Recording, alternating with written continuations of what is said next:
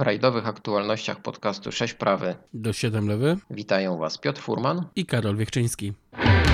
Three right minus, catch. Para la izquierda, buena más. Poco tarde, cierra más.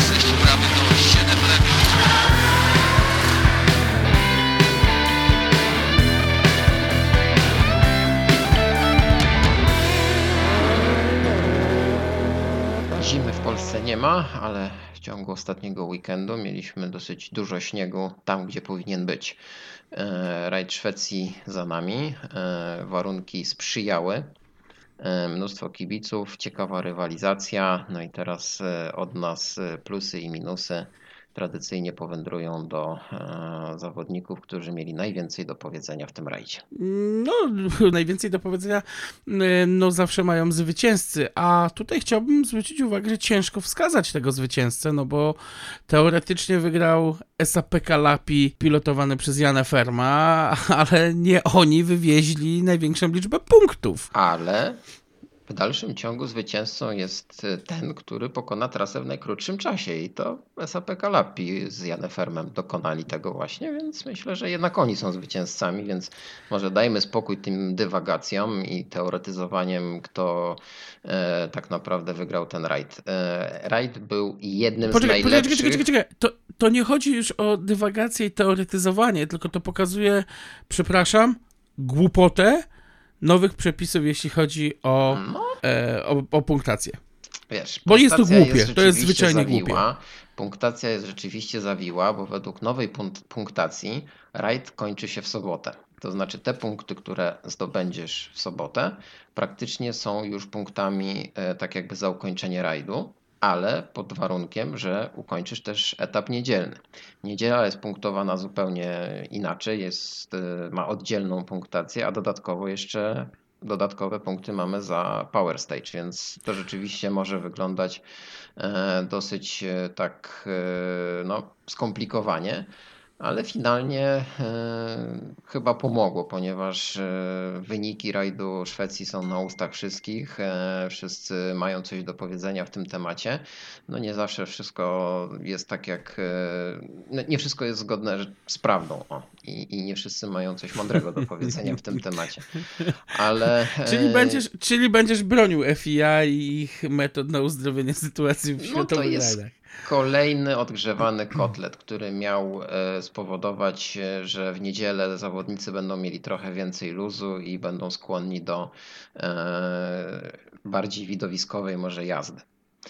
Ciężko powiedzieć, kto co miał na myśli, jakie były oczekiwania, ale mamy to, ja co tu mamy. Będę, ja tu będę z tym polemizował, no bo musisz ukończyć rajd tak, najbardziej. I to przynajmniej Więc jak palniesz jest... w niedzielę, bo cię poniesie fantazja do tego rajdu i tak nie ukończysz i tak i punkty zebrane no. w sobotę.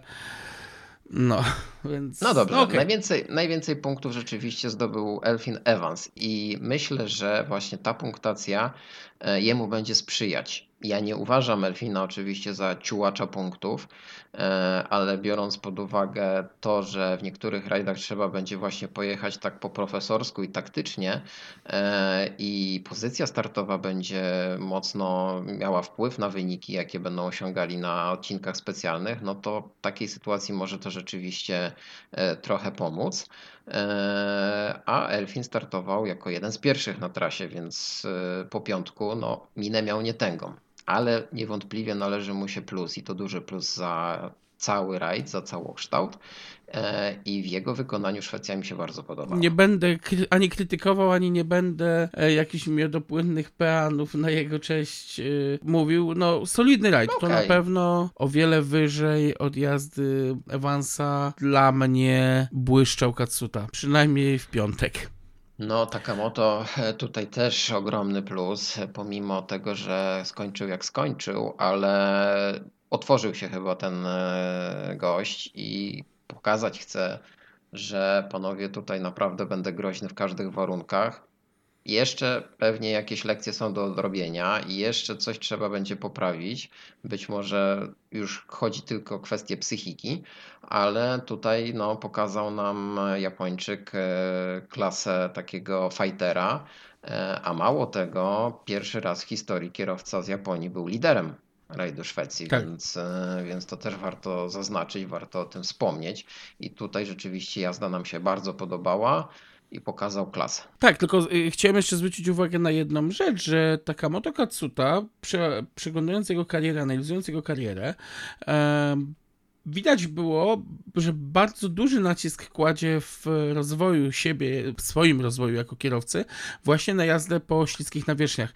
E, to jest facet, który bardzo dużo spędził w Skandynawii, jeżdżąc w lokalnych rajdach, jak również w większych imprezach, e, ale widać, że gdzieś bardzo mocno właśnie postawił ten nacisk na to, że e, jednak luźne, znaczy luźne, śliskie nawierzchnie będą procentować. No i jak widać procentują, bo tak jak mówię, piątkowy etap w jego wykonaniu fantastycznie.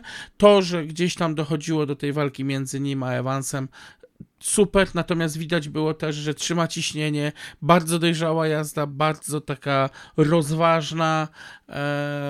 no przy tych trudnych warunkach było naprawdę ciekawie. Mówisz o Takamoto? Rozważna Tak, jazda? tak, tak, No, tak. ja, ja bym ocenił tą jazdę inaczej, po prostu flat. Jedziemy wszystko i, i, i niestety no, No, nie widzisz, udało się, oglądając- była zaspa i, i, i tam kibice nawet wypowiadali się, że widać było w tej jego jeździe agresję e, i pojechał naprawdę bardzo fajny taki fighterski rajd. Mi się bardzo właśnie podobało w jego wykonaniu. A o tym, jak w ogóle walka była wyrównana podczas tegorocznego rajdu Szwecji, no niech świadczy fakt, że ośmiu kierowców wygrywało odcinki specjalne. I Mhm. po pierwsze, też warto o tym powiedzieć, że po raz pierwszy e, samochód Rally 2 pokonał w takich warunkach e, całą szpicę i w tych trudnych rzeczywiście warunkach e, sobotnich, kiedy padał e, gęsty śnieg, no to tam cuda się działy. Ale okej, na razie jak Ale tutaj nie ma co być zaskoczonym, no bo e, akurat zwycięstwo Olivera Solberga no było podyktowane bardziej... Ale to nie Oli wygrał e, odcinek specjalny. Owszem, Oli e, zaskoczył wszystkich trzecim miejscem w klasyfikacji generalnej po Okej, no. sobotnim etapie, ale e, odcinek specjalny wygrała Toyota Rally 2 i e, Görg Liname zapisał na swoje konto właśnie zwycięstwo, e, jedno zwycięstwo na jednym odcinku specjalnym, więc no to to była ogromna niespodzianka. Okej, ale była to niespodzianka pochodząca tak naprawdę tylko i wyłącznie z załamania pogody. Tu nie było tego, że facet nagle stał się objawieniem na jeden odcinek Dobrze, specjalny, tylko po okej. prostu no, trafił w to okienko pogodowe. No. Jak najbardziej tak, e, ale tutaj e, panowie w rally dwójkach e, dorzucili z 5 groszy do tego wszystkiego i- i to było na pewno duże zaskoczenie. To stało się na piątym odcinku specjalnym. E, Rzeczywiście tam warunki dyktowały e, sytuację. Tam w ogóle mocno spadła nawet średnia prędkość e, na tym odcinku specjalnym poniżej 100 km, dosyć mocno, tam około 94 średnia prędkość, ale to No. już są takie niuanse. Akurat robiło się ciemno, zaczął padać dość gęsty śnieg, więc no to, to wymusiło Sytuacja takie troszkę zwolnienie. na pewno, tak. Natomiast y, co do właśnie tutaj walki e, w klasie Rally 2, e, no to brawa dla Olivera, Olivera Solberga za to tempo i właśnie też za to, że potrafił gdzieś nawiązywać walkę w tej pierwszej trójce w klasyfikacji generalnej, ale to też był troszkę wypadek przy pracy, nie oszukujmy się, związany właśnie z pogodą. Trzecie miejsce w klasyfikacji generalnej. No, Adrian No, Formuła. A o, ogromny plus moim zdaniem e, za postawę tego zawodnika. Kto postawił na Adrię pieniądze, nie pożałował. E, Z pewnością. Mało kto się spodziewał, że właśnie on zajmie miejsce na podium, e, a przecież był przez jakiś czas nawet na drugim miejscu. No nie spodziewałem się, że w niedzielę obroni się przed Evansem. E, I to co chyba, nie zmienia... i, i to chyba sobotni etap, o ile dobrze kojarzę, to chyba fantastyczny prezent dla Malcolma Wilsona, bo on urodziny obchodził Tak. wtedy, więc, Tak, tak. więc E, faktycznie e, było z czego się cieszyć, ale, ym, ale z drugiej strony popatrz, piąte miejsce w Monte Carlo, trzecie miejsce w Szwecji, ym, trochę wydaje mi się, zbyt ostro oceniliśmy y, Adriana Formo przed sezonem, e, a tu okazuje się, że nagle ten 28-latek dojrzał i, i wykazuje całkiem niezłą formę.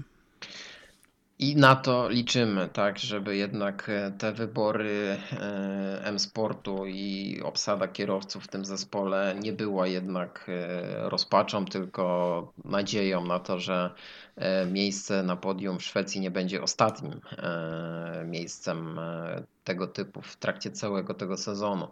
No ja bardzo bym chciał, żeby jednak i ta Puma i Adrien, bo na razie oczywiście na drugiego kierowcę aż tak bardzo nie liczę, ale, ale i myślę, że Monster też e, gdzieś tam błyśnie swoimi możliwościami i talentem, ale no ogromny plus dla Formo i tutaj e, uważam, że pojechał taką życiówkę. No, jego pierwsze podium w karierze.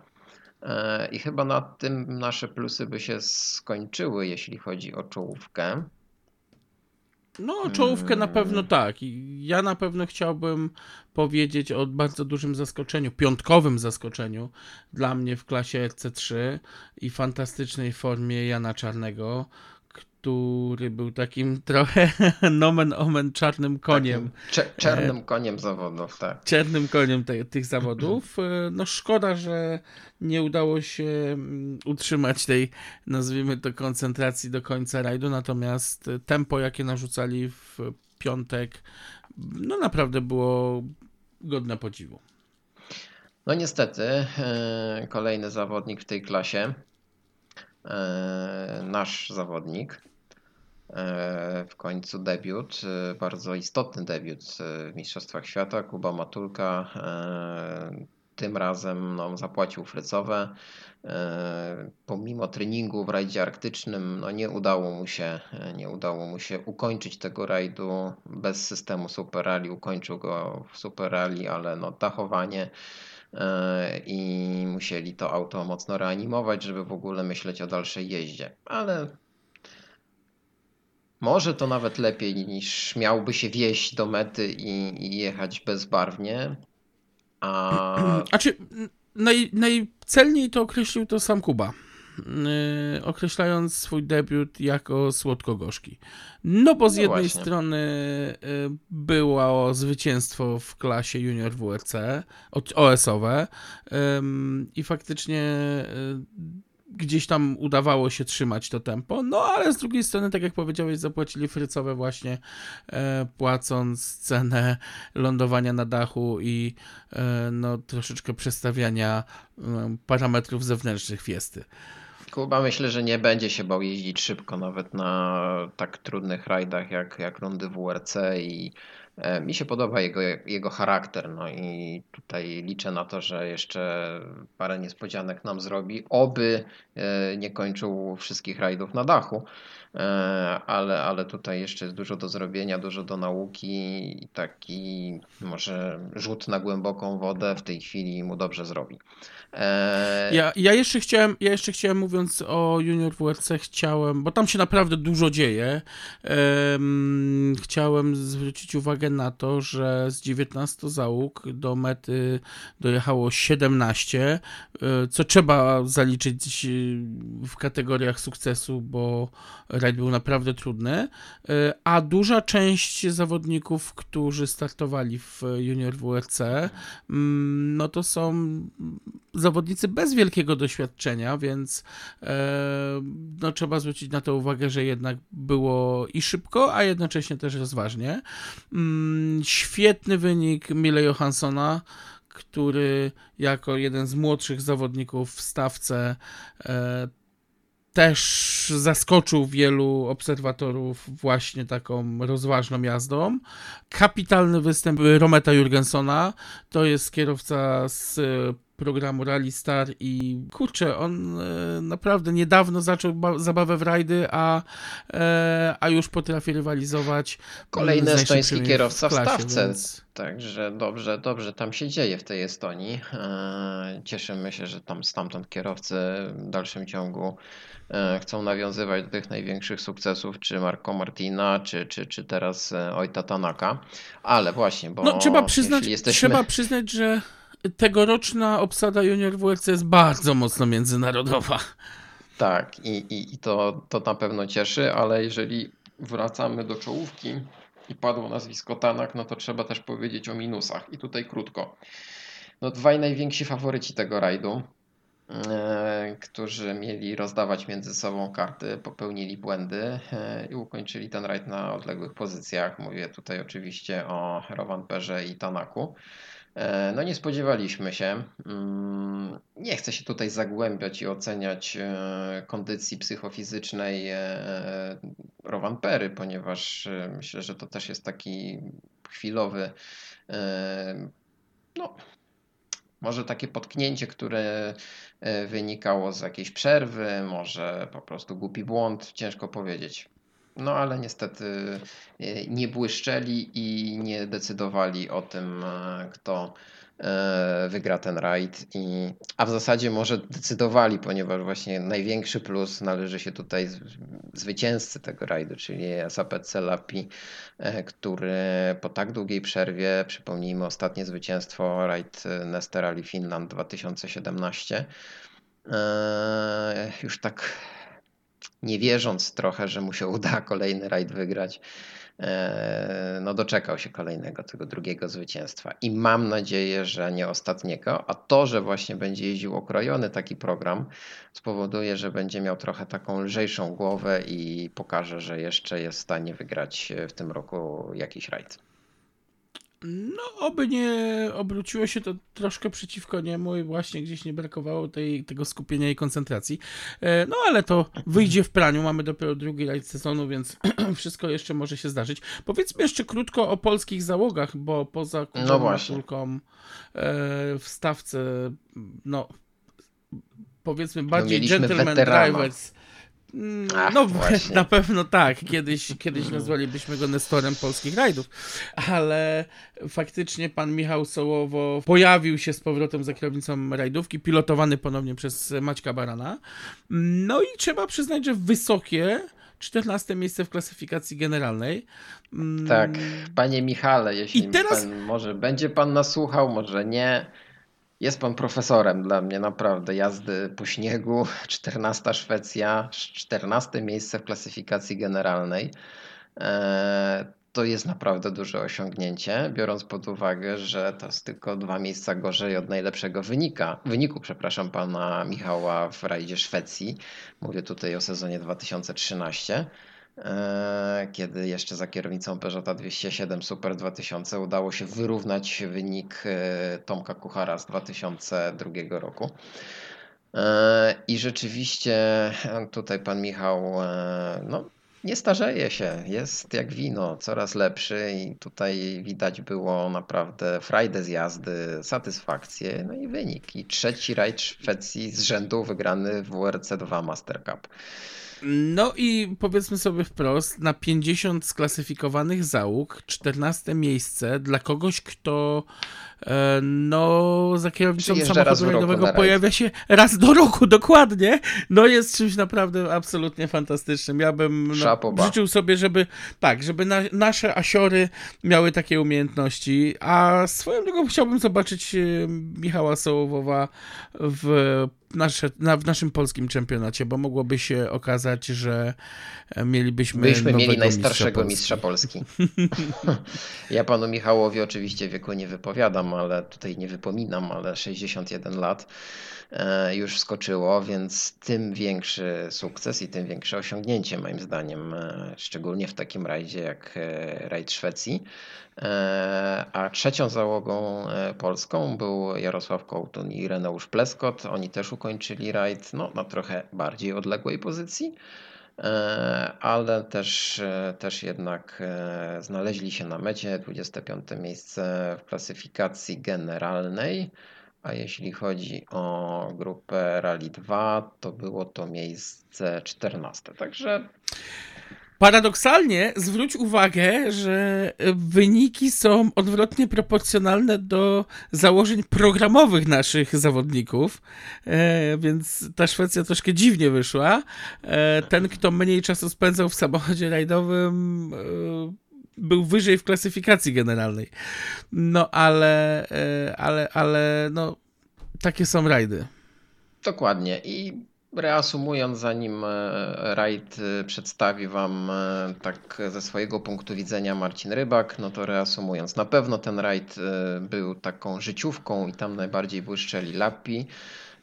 Formont, na pewno to był taki rajd Oliwiera Solberga, bardzo udany. E, Takamoto Katsuta też pokazał, że będzie się liczył w walce o jak najwyższe pozycje w każdych warunkach i to mnie bardzo cieszy. E, I chyba to była jedna z fajniejszych Szwecji, jaką pamiętam.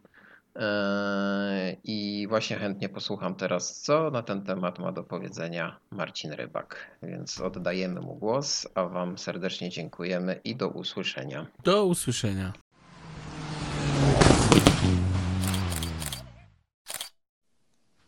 Cześć, pora na parę słów podsumowania e, niedawno zakończonego rajdu Szwecji, jedynej rundy w kalendarzu rajdowych samochodowych Mistrzostw Świata, rozgrywanej w pełni po śniegu i lodzie. Rajdu, który nie dość, że jest e, wyjątkowy w całym cyklu, e, to mm, rajdu, który tak naprawdę przez wielu uważanych jest, uważany jest za taką ostatnią mm, twierdzę E, Skandynawów, rajdu, który właściwie z bardzo, bardzo nielicznymi wyjątkami był wygrywany zawsze przez kogoś z północy. E, I do tego rajdu, który nie miał w ostatnich latach szczęścia do tych bardzo specyficznych i bardzo wymaganych warunków e, stricte zimowych. Kiedy bazował w Karstadt i Torsby, Mieliśmy do czynienia z tym, że region Warmland, który, jak sama nazwa wskazuje, jest e, taką mekką ciepła e, ze względu na geotermię i ukształtowanie terenu, mm, no nie, nie oferował nam ten region e, zbyt wielu powodów do uśmiechu. Mm, ostatnie lata, zwłaszcza ten sezon pandemiczny, który mieliśmy kilka lat temu oferował no, wręcz żałosne warunki. Był to bardziej zmrożony shooter i jakieś e, niewielkie białe poletka śniegu przy drogach.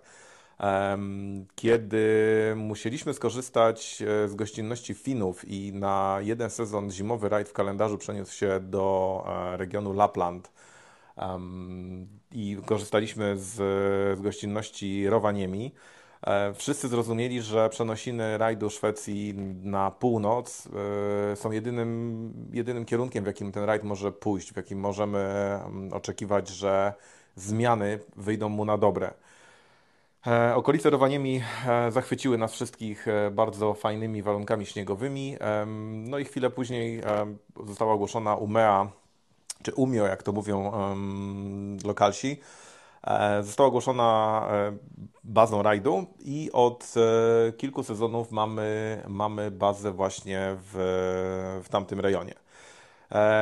Rejon, podobnie jak wschodnia strona Zatoki Botnickiej, jest rejonem dość śnieżnym, natomiast to, co nam pogoda zgotowała w tym roku, to był no dosłownie krajobraz jak z bajki takie bandy śniegu to jest po pierwsze wyjątek, jeśli chodzi o kalendarz rajdowych samochodowych Mistrzostw Świata, e, ale nawet lokalni kierowcy, ludzie, którzy znają każdy odcień śniegu, który tam spada, mówili, że naprawdę warunki były wyjątkowe i e, momentami można było nawet narzekać na to, że były zbyt zimowe, ponieważ e, odcinek Vannas na przykład, który był najbardziej wysunięty, najdalszy tak naprawdę odcinek od Umei, E, był odcinkiem, w którym problemem zaczęło być to, że droga między przejazdami była zawiewana. Robiły się takie mm, nawiewy śnieżne na środku drogi. Droga z szerokości dwóch samochodów robiła się wąska niemalże na jeden. To, to była jedna, jedna z przyczyn, gdzie można było odrobinę narzekać, że było zbyt dużo tego, tego białego szaleństwa. E, drugą rzeczą, to już typowo z mojego punktu widzenia i z punktu widzenia również kibiców, było to, że e, wysokość band, ich e, przepaścistość powodowała, że właściwie niemożliwym było chodzenie po drodze i szukanie sobie gdzieś wejścia do lasu. Trzeba było od razu tym lasem wędrować, ponieważ wejście w zaspę oznaczało momentalny skok w śnieg głęboki do pasa lub głębiej. Wydostanie się z takiego śniegu nie należy do przyjemności, zwłaszcza w momencie, kiedy musimy się pospieszyć i, i poszukać sobie jakiegoś bezpiecznego miejsca do oglądania. Niemniej jednak e, rajd e, oprawę, jeśli chodzi o aurę, miał fantastyczną. E, do tego stopnia, że odcinek rozgrywany w samej Umei, czyli Umea Sprint, wcześniej rozgrywany jako Super OS na końcu dnia, kończący zmagania na Power Stage'u, przejeżdżany czterokrotnie, nadal oferował zimowe warunki, nadal nie było kolejny dodrapanej do szutru, nadal nie było wystających kamieni, nadal była to jazda po śniegu i lodzie, no czyli to, co, to, co tygrysy lubią najbardziej. E, jeśli chodzi o same zmagania sportowe, no to przyznam szczerze, że mm, kilkoma rzeczami byłem dość mocno zaskoczony. E, mianowicie zaskoczony byłem błędami dwóch kierowców i tak naprawdę te błędy rzuciły może nie tyle cień na samą rywalizację, bo rywalizacja, rywalizacja sama w sobie była przednia, natomiast rzuciły cień na to, jak odbierało się topową klasę samochodów bo szybkie odpadnięcie Kalle Rovanpery i Oita Tanaka spowodowało to, że tak naprawdę tych samochodów topowej klasy ubyło tak szybko i te dwa auta stanowiły tak duży procent całości, e, no, że zaczęło wyglądać to odrobinę biednie. Natomiast sama ich jazda, sam, sam efekt e, wow, który one powodują, zrekompensował ten brak e, dwóch aut. Fajnie, że mieliśmy Lorenzo Berteliego, który bardzo lubi rajd Szwecji, wystartował w fabrycznym malowaniu wypożyczoną Toyotą Yaris Rally One. Bo przyznam szczerze, że Lorenzo może nie jest topowym kierowcą, jeśli chodzi o klasę Rally One, ale na tym rajdzie to nie razi. Jechał wystarczająco szybko, żeby spokojnie zaliczyć go do tych topowych um, fighterów. Przynajmniej jeśli chodzi o, o e, odbiór optyczny tego, co prezentował na odcinkach. Mm, I podobnie jak w rajdzie Monte Carlo, e, tak naprawdę skupienie uwagi na kategorii Rally 2 e, dało nam możliwość obserwowania naprawdę absolutnego topu, jeśli chodzi o umiejętności zawodników to po pierwsze. Po drugie, realnie sprawdziło możliwości nowej konstrukcji, jaką jest e, Toyota Yaris w tej kategorii.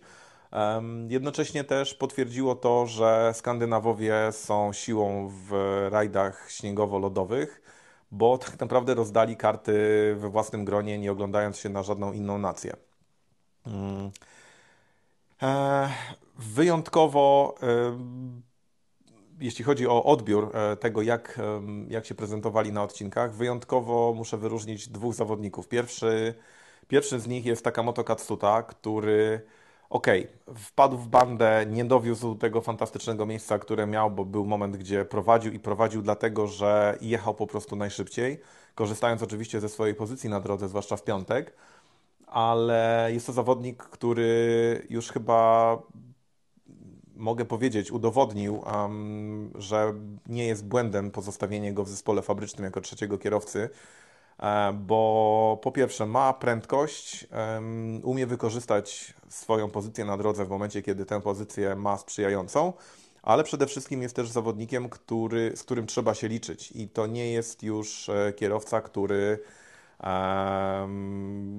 który jest taką maskotką, takim e, japońskim dodatkiem do japońskiego zespołu absolutnie należy mu się miejsce w pierwszej lidze i, i trzeba go tak y, zacząć traktować. E, drugim zawodnikiem, którego chciałem bardzo y, pochwalić za ten rajd, to na pewno jest Adrien Formeau. Mm, chłopak, który, na którego wylane zostało niejedno wiadro pomyj za sezon 2022, e, e, również w 2023. Błąd na Power Stage'u w rajdzie Sardynii spowodował dosłownie wysyp hejtu E, że jest to tylko i wyłącznie podopieczny Red Bulla, że nie warto ufać takiemu zawodnikowi, rozbija tylko auta, bla, bla, bla, tysiąc rzeczy, które spowodowały, że odbiór taki PR-owy Adriana był bardzo słaby. Natomiast jeżeli ktoś miał okazję zobaczyć go na odcinkach, a ja obserwuję go na odcinkach od kilku lat, nie tylko w Mistrzostwach Świata, ale również obserwowałem go w rajdach um, niższych kategorii, e, no przyznam szczerze, że jest to zawodnik bardzo, bardzo szybki. E, zawodnik, który jeździ bardzo ładnie, bardzo ciekawie. W wielu momentach pokazuje, że niedostatki doświadczenia, na przykład w opieraniu się o bandy, tak jak tutaj w Szwecji mieliśmy przykład tego, nadrabia tym, że pokazuje jakby inny styl. odrobinę przypomina mi to obserwowanie e, Sebastiana Leba na, po, na początku jego kariery, gdzie mówiło się, że jeździ brzydko, na okrągło, że jest to nudne i tak dalej. Natomiast był e, pierwszym gościem, który spoza mm, ściśle określonej takiej skandynawskiej szkoły jazdy pokazał, że zarówno Szwecja, jak i Finlandia nie stanowią jakiejś, jakiejś twierdzy do zdobycia. Po prostu on przyjeżdżał i ten rajd wygrywał. Nie było, nie było oblężenia, nie było jakichś tam większych problemów. I Adrian ma podobny styl jazdy. Tam, gdzie nie starcza mu doświadczenia, tam nadrabia innymi atutami. No i myślę, że również decyzja o tym, żeby go zatrudnić jako kierowcę mm, fabrycznego mm, podporę zespołu M-Sportu, e, nie była złą decyzją na pewno, ale przede wszystkim też pokazuje, że mm, ludzie, którzy podejmują takie decyzje w samym M-Sporcie, też e, odrobinę inaczej na to patrzą, bo wiedzą, że dając mu możliwość funkcjonowania jako topowy zawodnik, który nie musi już niczego udowadniać, po prostu jest zatrudniony, ma wykonać swoją pracę, e, zdejmują takiemu się zawodnikowi bardzo duże obciążenie z głowy i wydaje mi się, że to jest klucz do sukcesu e, i zdobycia pierwszego podium przez Adriana. Także super jazda, bardzo, bardzo mądra jazda przede wszystkim. Brak unikania tej walki, którą teoretycznie mógł podjąć z mm, Elfinem Evansem na ostatniego dnia rajdu będzie z tego chłopaka pożytek i, i myślę, że myślę, że szybko to udowodni. To jeśli chodzi o e, klasę Rally One. Mm, rozczarowaniem, tak jak powiedziałem, było odrobinę to, że Oit Tanak i zwycięzca sprzed, roku i Kalle Pera, e, który też ten rajd wygrywał e, w poprzednich sezonach, mm, ich wypadnięcie w dużej mierze zaowocowało tym, że cała pozostała paczka zbiła się dosyć, e, dosyć mocno. Te wyniki zaczęły być e, na tyle zmienne, że z odcinka na odcinek pojawiały się jakieś fluktuacje, jeśli chodzi o miejsca poszczególnych zawodników.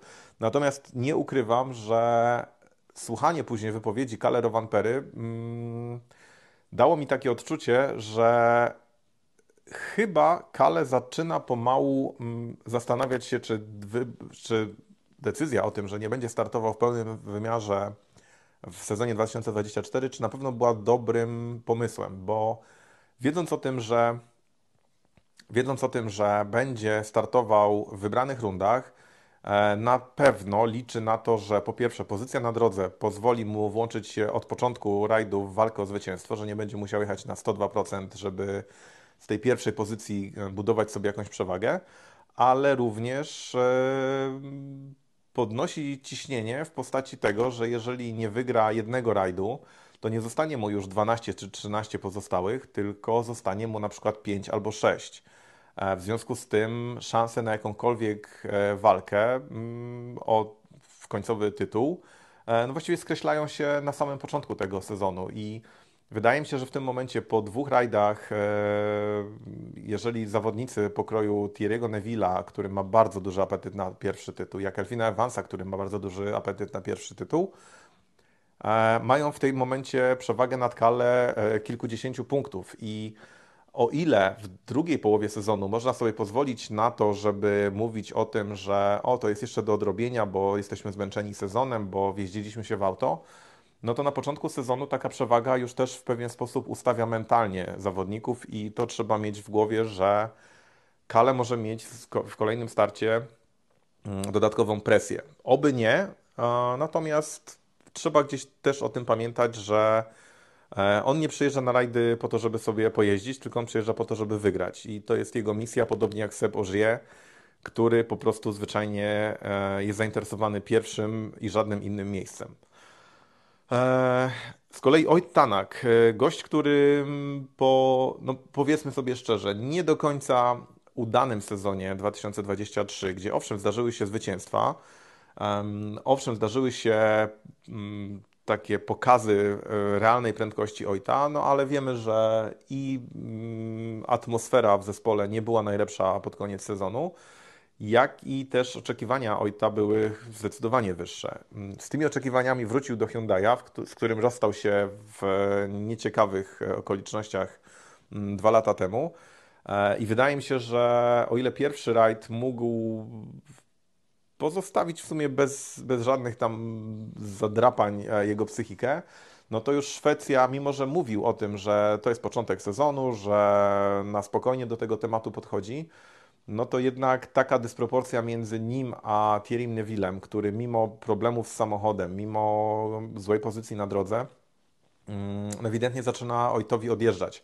Oby nie trwało to dłużej niż do kolejnej rundy, bo pojawi się frustracja, pojawią się błędy, e, a my chcemy Ojta oglądać wygrywającego, bo to jest e, pierwszej wody fighter i, i na tym zbudował swoją, e, swoją pozycję. To jeśli chodzi o Rally One i kategorię królewską, tak to nazwijmy, chociaż bardzo nie lubię tego określenia. To, to tyle, jeśli chodzi o podsumowanie. Mm, podsumowanie, które jeszcze mógłbym, że tak powiem, okrasić czymś takim, że brakuje, bardzo brakuje w tym momencie możliwości startowania zawodników prywatnych samochodami topowej klasy. Lorenzo Bertelli, który raczej na mm, brak funduszu czy niezgodę sponsora na jego starty narzekać nie może. E, no to jest mało. To nie jest e, jaskółka, która czyni wiosnę.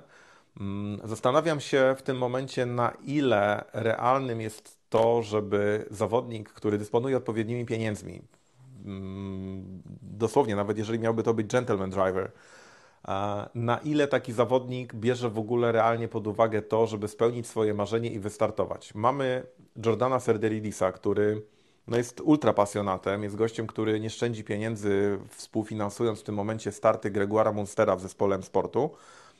No ale to jest jeden Jordan Serdelidis, który jeździ for fun. Mm, to jest Lorenzo Bertelli, który no, ma możliwość właściwie nieograniczoną e, wystartowania sobie w takim rajdzie. Ale poza tym, e, tak naprawdę na horyzoncie to jedynie Jari Matti Latwala jako szef zespołu może pozwolić sobie na pojedynczy start w wybranej rundzie, tak jak miało to miejsce w zeszłym sezonie. Mm. Nie wiem, czy jest jakakolwiek furtka wyjścia z tej sytuacji, bo koszty, które, mm, którymi w tym momencie operują zespoły fabryczne za wynajęcie takiego samochodu, no nie ukrywam, że to jest w tym, w tej, w tym momencie mm, jakiś totalny kosmos. To są kwoty, które właściwie są niemożliwe do, do poniesienia przez zawodnika, który marzy o pojedynczym starcie. Bo pamiętajmy o tym, że pojedynczy start nie oznacza, że um, mamy do dyspozycji samochód, wsiadamy w niego i jedziemy. E, równie ważne jest to, żeby mieć realne zezwolenie od Federacji FIA na to, żeby wystartować samochodem topowej kategorii. Po drugie, są potrzebne testy. E, te samochody, jeżeli jedzie się za wolno, nie działają. I to jest stara prawda, że jeżeli jedzie się za wolno, nie używa się w odpowiedni sposób e, i napędu, i hamulców, i e, dyferencjałów. E, do tego zawieszenie wymagane jest traktowanie zawieszenia w odpowiedni sposób. W przeciwnym razie ten samochód jedzie jak taczka, nie daje odpowiedniego mm, docisku, który w dzisiejszych samochodach, w dzisiejszych konstrukcjach jest naprawdę bardzo, bardzo istotny. E, I finalnie mm, znajdujemy się w sytuacji, w której jeżeli nawet ktokolwiek by się pojawił na horyzoncie z pieniędzmi, może mieć bardzo ograniczone możliwości wystartowania w topowym e, aucie klasy Rally 1.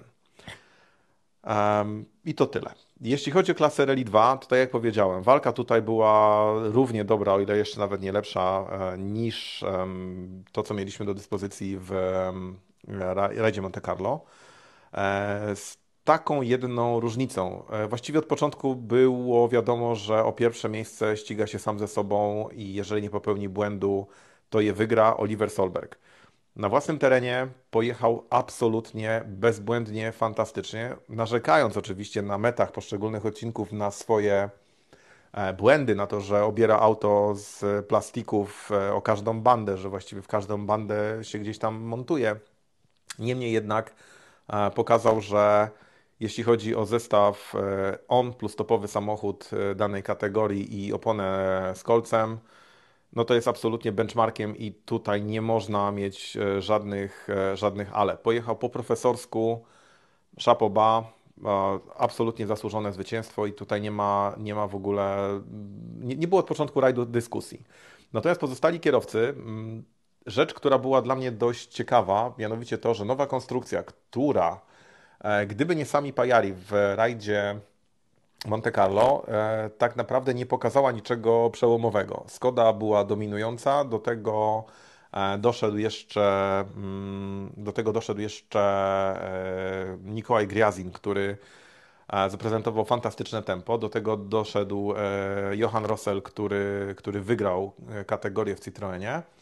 E, tutaj mieliśmy armadę Jarisów, bo okazało się, że była to, była to druga najliczniejsza grupa i tak naprawdę w liczących się e, zespołach była to siła wiodąca. Mm, gdyby nie Oliver, to myślę, że nie pamiętam, chyba pierwszych pięć miejsc zajęłyby właśnie Jarisy. E, bardzo dobry występ samego Pajariego, jakby to nie było zaskoczenie. Bardzo dobry występ e, Rope Korhonena, który pokazał, że zwycięstwo w kategorii juniorów nie było przypadkiem i jest gościem, z którym za chwilę się będziemy liczyli w e, kategorii Rally 2.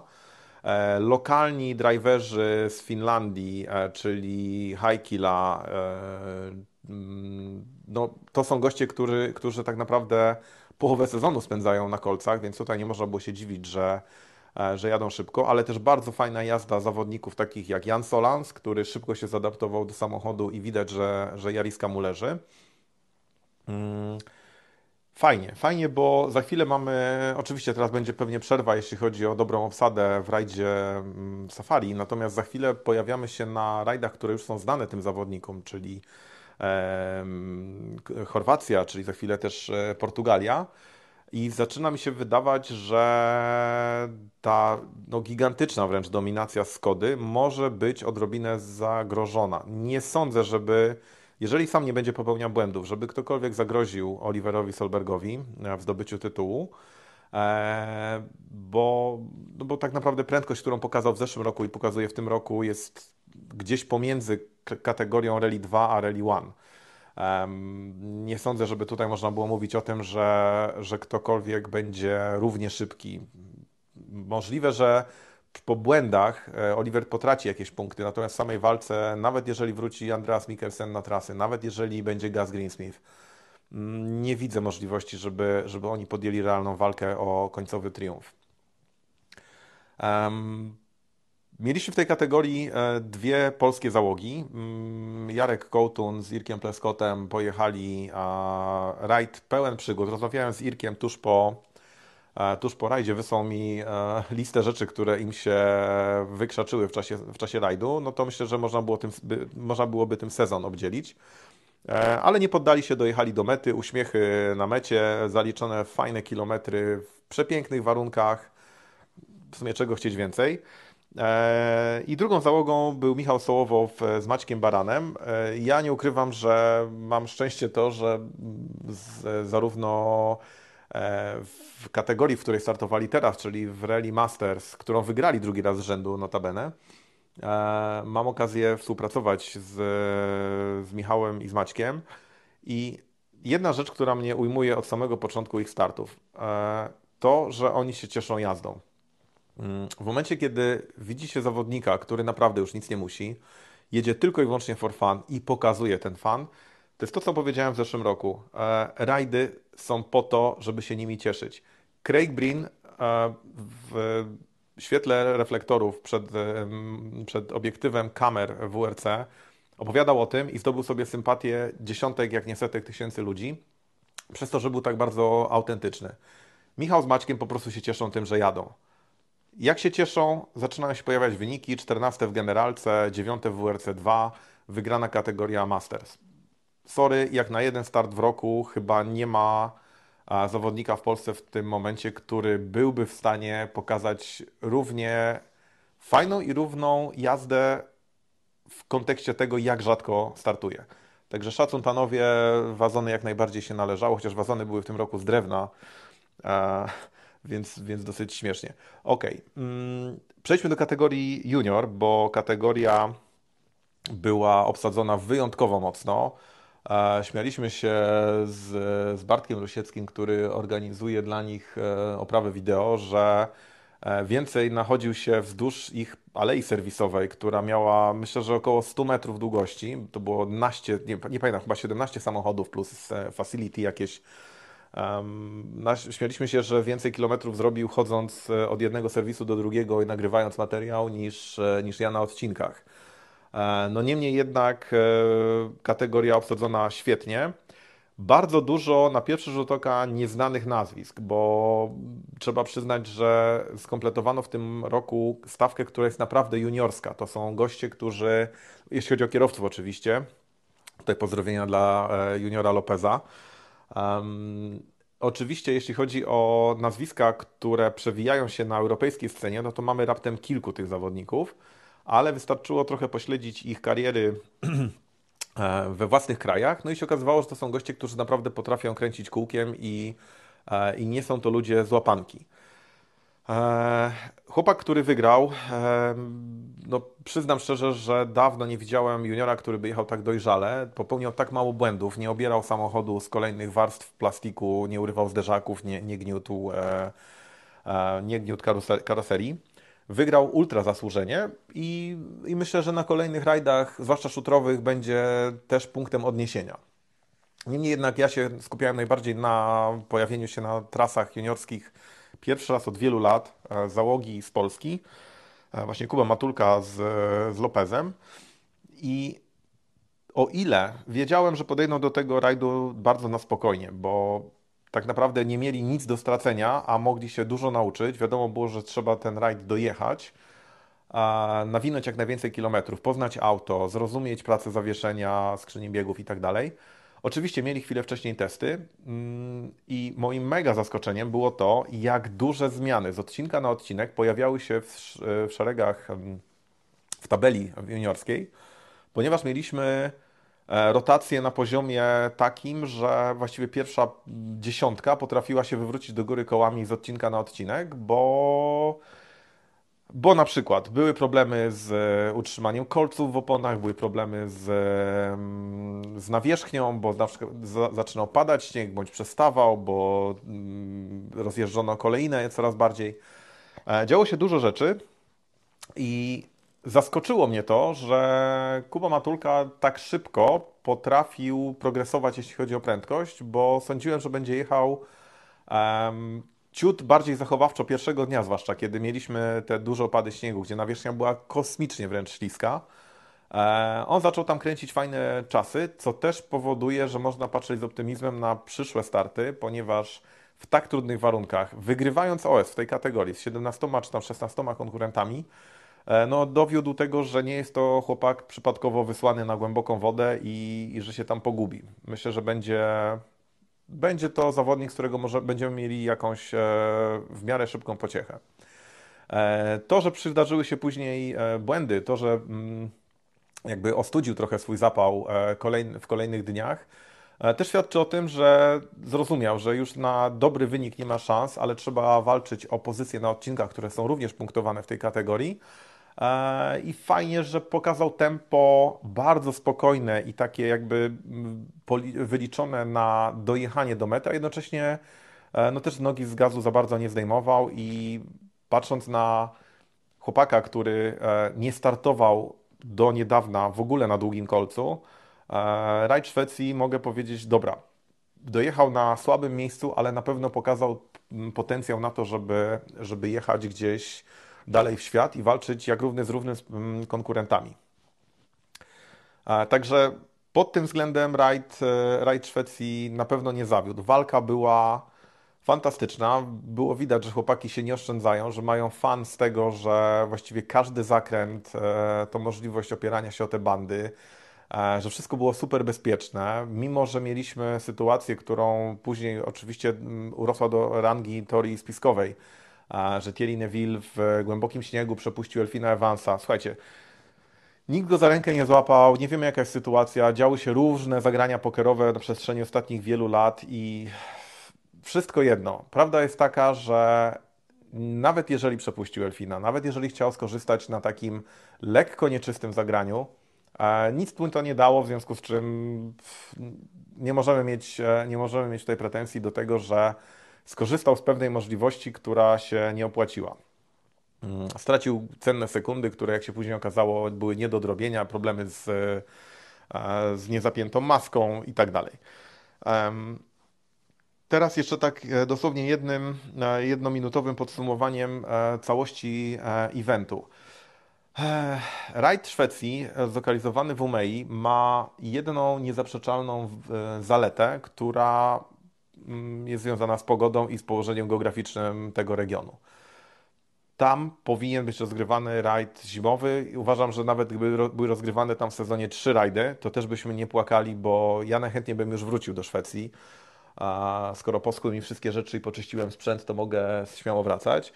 Natomiast, co jest ciekawe, rajd, który rozgrywa się w regionie, w którym za bardzo nie ma rozwiniętej bazy hotelowo takiej akomodacyjnej. E, Trudno jest znaleźć e, sensowne kwatery, trudno jest znaleźć e, przede wszystkim dostępne dla normalnej kieszeni kwatery. A mimo wszystko ten rajd mm, przyciąga bardzo dużą grupę kibiców, jak na to, co i w jaki sposób można nam obejrzeć. E, I dowodzi to tylko tego, że ludzie mimo wszystko chcą jeździć na rajdy, pod warunkiem, że mają, za, do, mają zaoferowane coś, co im e, rekompensuje niedostatki, rekompensuje wysoką cenę, jakieś niedogodności e, i tak. I przyznam szczerze, że byłem w ciężkim szoku, jak zobaczyłem na kilku odcinkach w naprawdę strasznie paskudnych warunkach pogodowych te tłumy, które tam były. E, Widać, że ludzie nadal chcą oglądać prawdziwe rajdy. Ta ankieta, która, czekam bardzo na wyniki ankiety, którą zrobiła FIA, e, bo myślę, że parę odpowiedzi będzie miało dokładne mm, potwierdzenie w tym, co zaobserwowałem na odcinkach właśnie. Te tłumy ludzi, sposób w jaki oglądają, czyli nie w miejscach, które są przygotowane dla nich, nie w jakichś sztucznie zrobionych fanzonach, które wyglądają jak, e, jak jakiś konkurs e, na, na, na wy- wybory Miss okolicy albo jakieś festiwale disco polo. E, Ludzie chcą zobaczyć prawdziwą prędkość, idą na otwarte przestrzenie, na szybkie partie albo na jakieś bardzo wąskie, ciekawe przejścia między domami, dlatego że tym są rajdy. To nie jest rajd, który można zamknąć w, e, w obrębie jakiegoś toru. I bardzo będę zdziwiony, jeżeli się okaże, że więcej kibiców przyjdzie w tym roku na przykład na rajd polski, na nudny, jak flaki z olejem, e, tor w Mikołajkach, em, kosztem pojeżdżenia po odcinkach. Dystanse, które nam się serwuje już w tym momencie, bo już wiem, em, które będziemy musieli przejeżdżać między pierwszym, drugim etapem i, i wracając później do Mikołajek, No, ja już powiem szczerze, że mi się odechciewa mm, wracania do, do bazy, bo, no bo umówmy się, jeżdżenie setki kilometrów dziennie w jedną stronę, monotonnie po mazurskich drogach, gdzie na pewno policja będzie, będzie bardzo zain- zainteresowana sprawdzaniem trzeźwości i prędkości, no będziemy mieli, będziemy mieli pod górkę. A, Także um, fajnie było zobaczyć rajd, który jest zrobiony przez pasjonatów, przez ludzi, którzy wiedzą jak, e, z wykorzystaniem marszali, którzy mają wieloletnie doświadczenie. I życzyłbym sobie bardzo, żeby kolejne rundy były organizowane w podobny sposób, na podobnym poziomie, a przede wszystkim um, tak bardzo otwarte dla kibica, bo, bo tego, tego zaczyna pomału brakować. Eee, I to chyba tyle. Mm, Tak jak powiedziałem, ja najchętniej by wróciłbym już e, z powrotem do tego śniegu. Mm, Przemokłem, przemarzłem i dało mi to tyle fanu, że, że mogę tam spokojnie wracać. I szczerze Wam polecam, jeżeli kiedyś zastanawialiście się, czy, czy warto polecieć do Szwecji, zobaczyć ten rajd, to nie zastanawiajcie się dłużej, bo jest to event, który po prostu prostuje, prostuje zwoje w mózgu, bo, bo jest wyjątkowy. Wyjątkowy, jest super, fajny i trzeba tego raz w życiu doświadczyć, jeżeli jest się prawdziwym kibicem rajdowym. E, trzymajcie się, pozdro. Ja teraz e, chwilę, chwilę przerwy sobie robię od wyjazdów pewnie, ale za moment już pakuję, pakuję graty i lecę do Kenii, także na pewno stamtąd też wam, z Wami się podzielę jakimiś ciekawymi, mam nadzieję, e, opowieściami. Pozdrawiam. Three right minus,